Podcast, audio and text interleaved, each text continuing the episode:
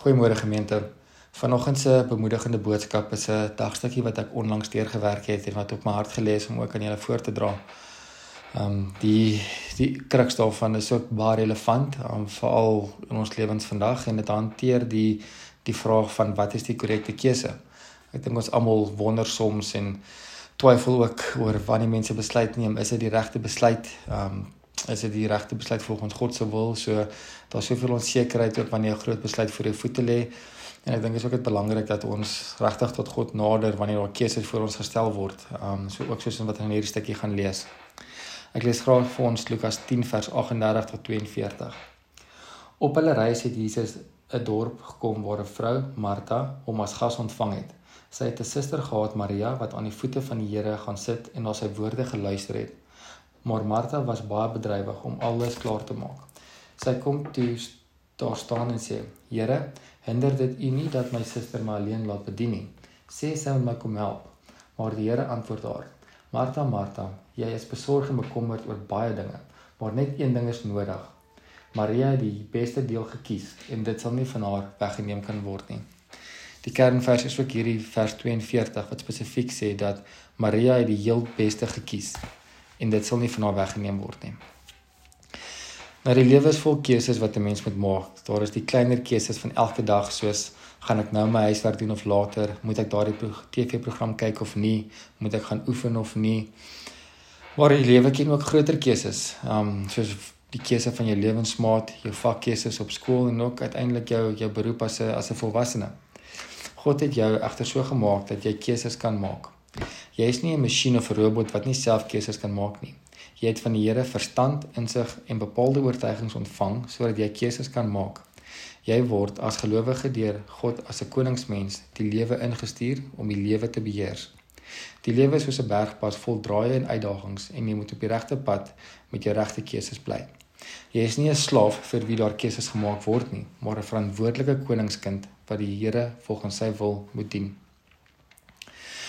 Dit is altyd maklik om 'n keuse te maak, maar dit is so maklik altyd om reg te kies nie.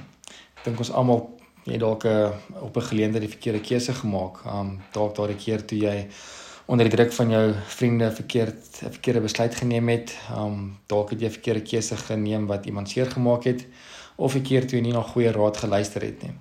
Agterna kan 'n mens soveel selfverwyd oor jou verkeerde en onraastige besluite hê.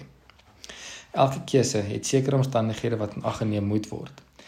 Jy het ook toerusting ontvang want vir baie jare is jou oortuigings gevorm deur jou opvoeding in jou ouerhuis, deur die kerk, deur jou skool en ook deur kontak met jou vriende. Maar die belangrikste is dat jy 'n belangrike instrument het om jou keuses te maak, naamlik die Bybel, wat die lig vir ons pad is. Om as 'n gelowige reg te kan kies, moet jy in 'n noue verhouding met God lewe, want God is die die leidsman van jou lewe en jy moet na sy wil vra. Om dit te kan doen, moet jy die Bybel ken en dit liglans van die woorde lewe. Hoe mooi stel Psalm 119 dit nie. Hoe kan 'n jong mens sy lewe skoon hou? En die antwoord: deur om te hou aan u woord. Natuurlik kan ons God se woord nie soos 'n towerstokkie gebruik asof die Bybel vir elke konkrete geval 'n duidelike antwoord het nie. Sommige mense gebruik wel die Bybel so. Miskien wanneer hulle 'n belangrike keuse moet maak, dan slaan hulle die Bybel op 'n bepaalde plek oop om dan die antwoord te kry. Maar dit gee nie altyd vir ons 'n duidelike riglyne oor wat is die regte besluit nie wat die Bybel wel vir ons gee is die Bybel gee aan ons duidelike riglyne oor moord, diefstal, leuns, begeertes ensovoorts, maar ook basiese riglyne wat ons vir ons daaglikse keuses moet gebruik. So word die gelowige opgeroep om alles tot eer van God te doen. In jou keuses moet jy God dus verheerlik deur hom as die Here te dien. Moet dus niks doen of sê wat jou diens aan hom kan beïnvloed nie. Om met God in gemeenskap te lewe, moet jy 'n lewende en opregte gebedslewe hê. Hoe kan jy regte keuses maak as jy nie bidend van God die regte leiding, insig en wysheid vra nie? Leef opreg met jou gemeente mee, want ook dan beleef jy God se gemeenskap deur die ondersteuning, hulp en raad van jou medegelowiges. En ook tot daardie punt, dit is ook hoekom ons tans besig is om te fokus op selgroepe, juist sodat ons deur daai selgroepe mekaar meer kan ondersteun en meer kan bemoedig wat baie belangrik is. Dit ter afsluiting in ons keuses moet ons pas op dat ons nie selfsug selfsugtig is en ons tot ons eie voordeel kies nie. Lot het dit gedoen toe hy en Abraham weivelde moes kies. In jou keuses moet jy ook die bereidheid hê om op te offer, soos wat Rut gedoen het om te kies na 'n vreemde land toe te gaan. Kies dit wat werklik van belang is, nie soos Martha nie, wat eerder gekies het om voor te berei nie, terwyl Maria na Jesus se onderrig geluister het. Kom ons ken Jesus in alles wat voor ons voete geplaas word. Kom ons ken Jesus in elke besluit wat vir ons voorlê en vra vir hom wat is die regte besluit en om ons te lei in elke besluit. Kom ons sluit die oë. Ons almagtige hemelse Vader, ons dankie dat U ons geroep het, Here, na U wil. Ons dankie dat ons as mens besluite kan neem. En ek bedregtig en vra dat U op elkeen se hart dit sal plaas, Here, as daar 'n keuse vir vir hulle gelê word.